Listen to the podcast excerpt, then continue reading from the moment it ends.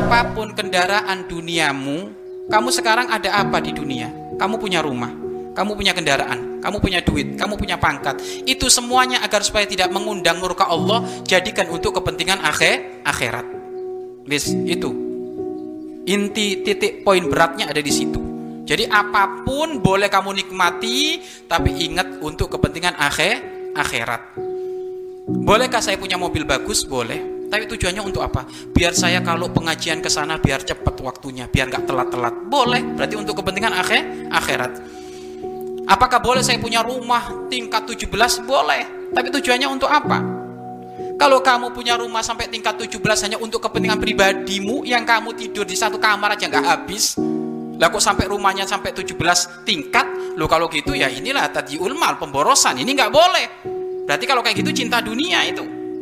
Tetapi kalau kamu kamu apa bikin rumah sampai 17 lantai untuk kepentingan apa?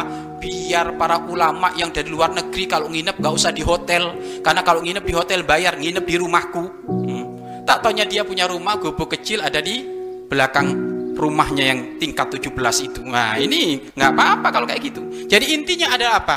Boleh kamu hidup enak di dunia, tapi untuk bermanja-manjaan ibadah kepada Allah. Ya?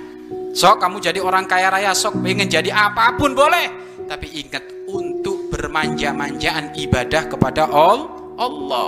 Bukan untuk memikir kepentingan pribadi. Kalau mikir kepentingan pribadi inilah yang akan menjadikan Allah mur murka. Jadikan Allah mur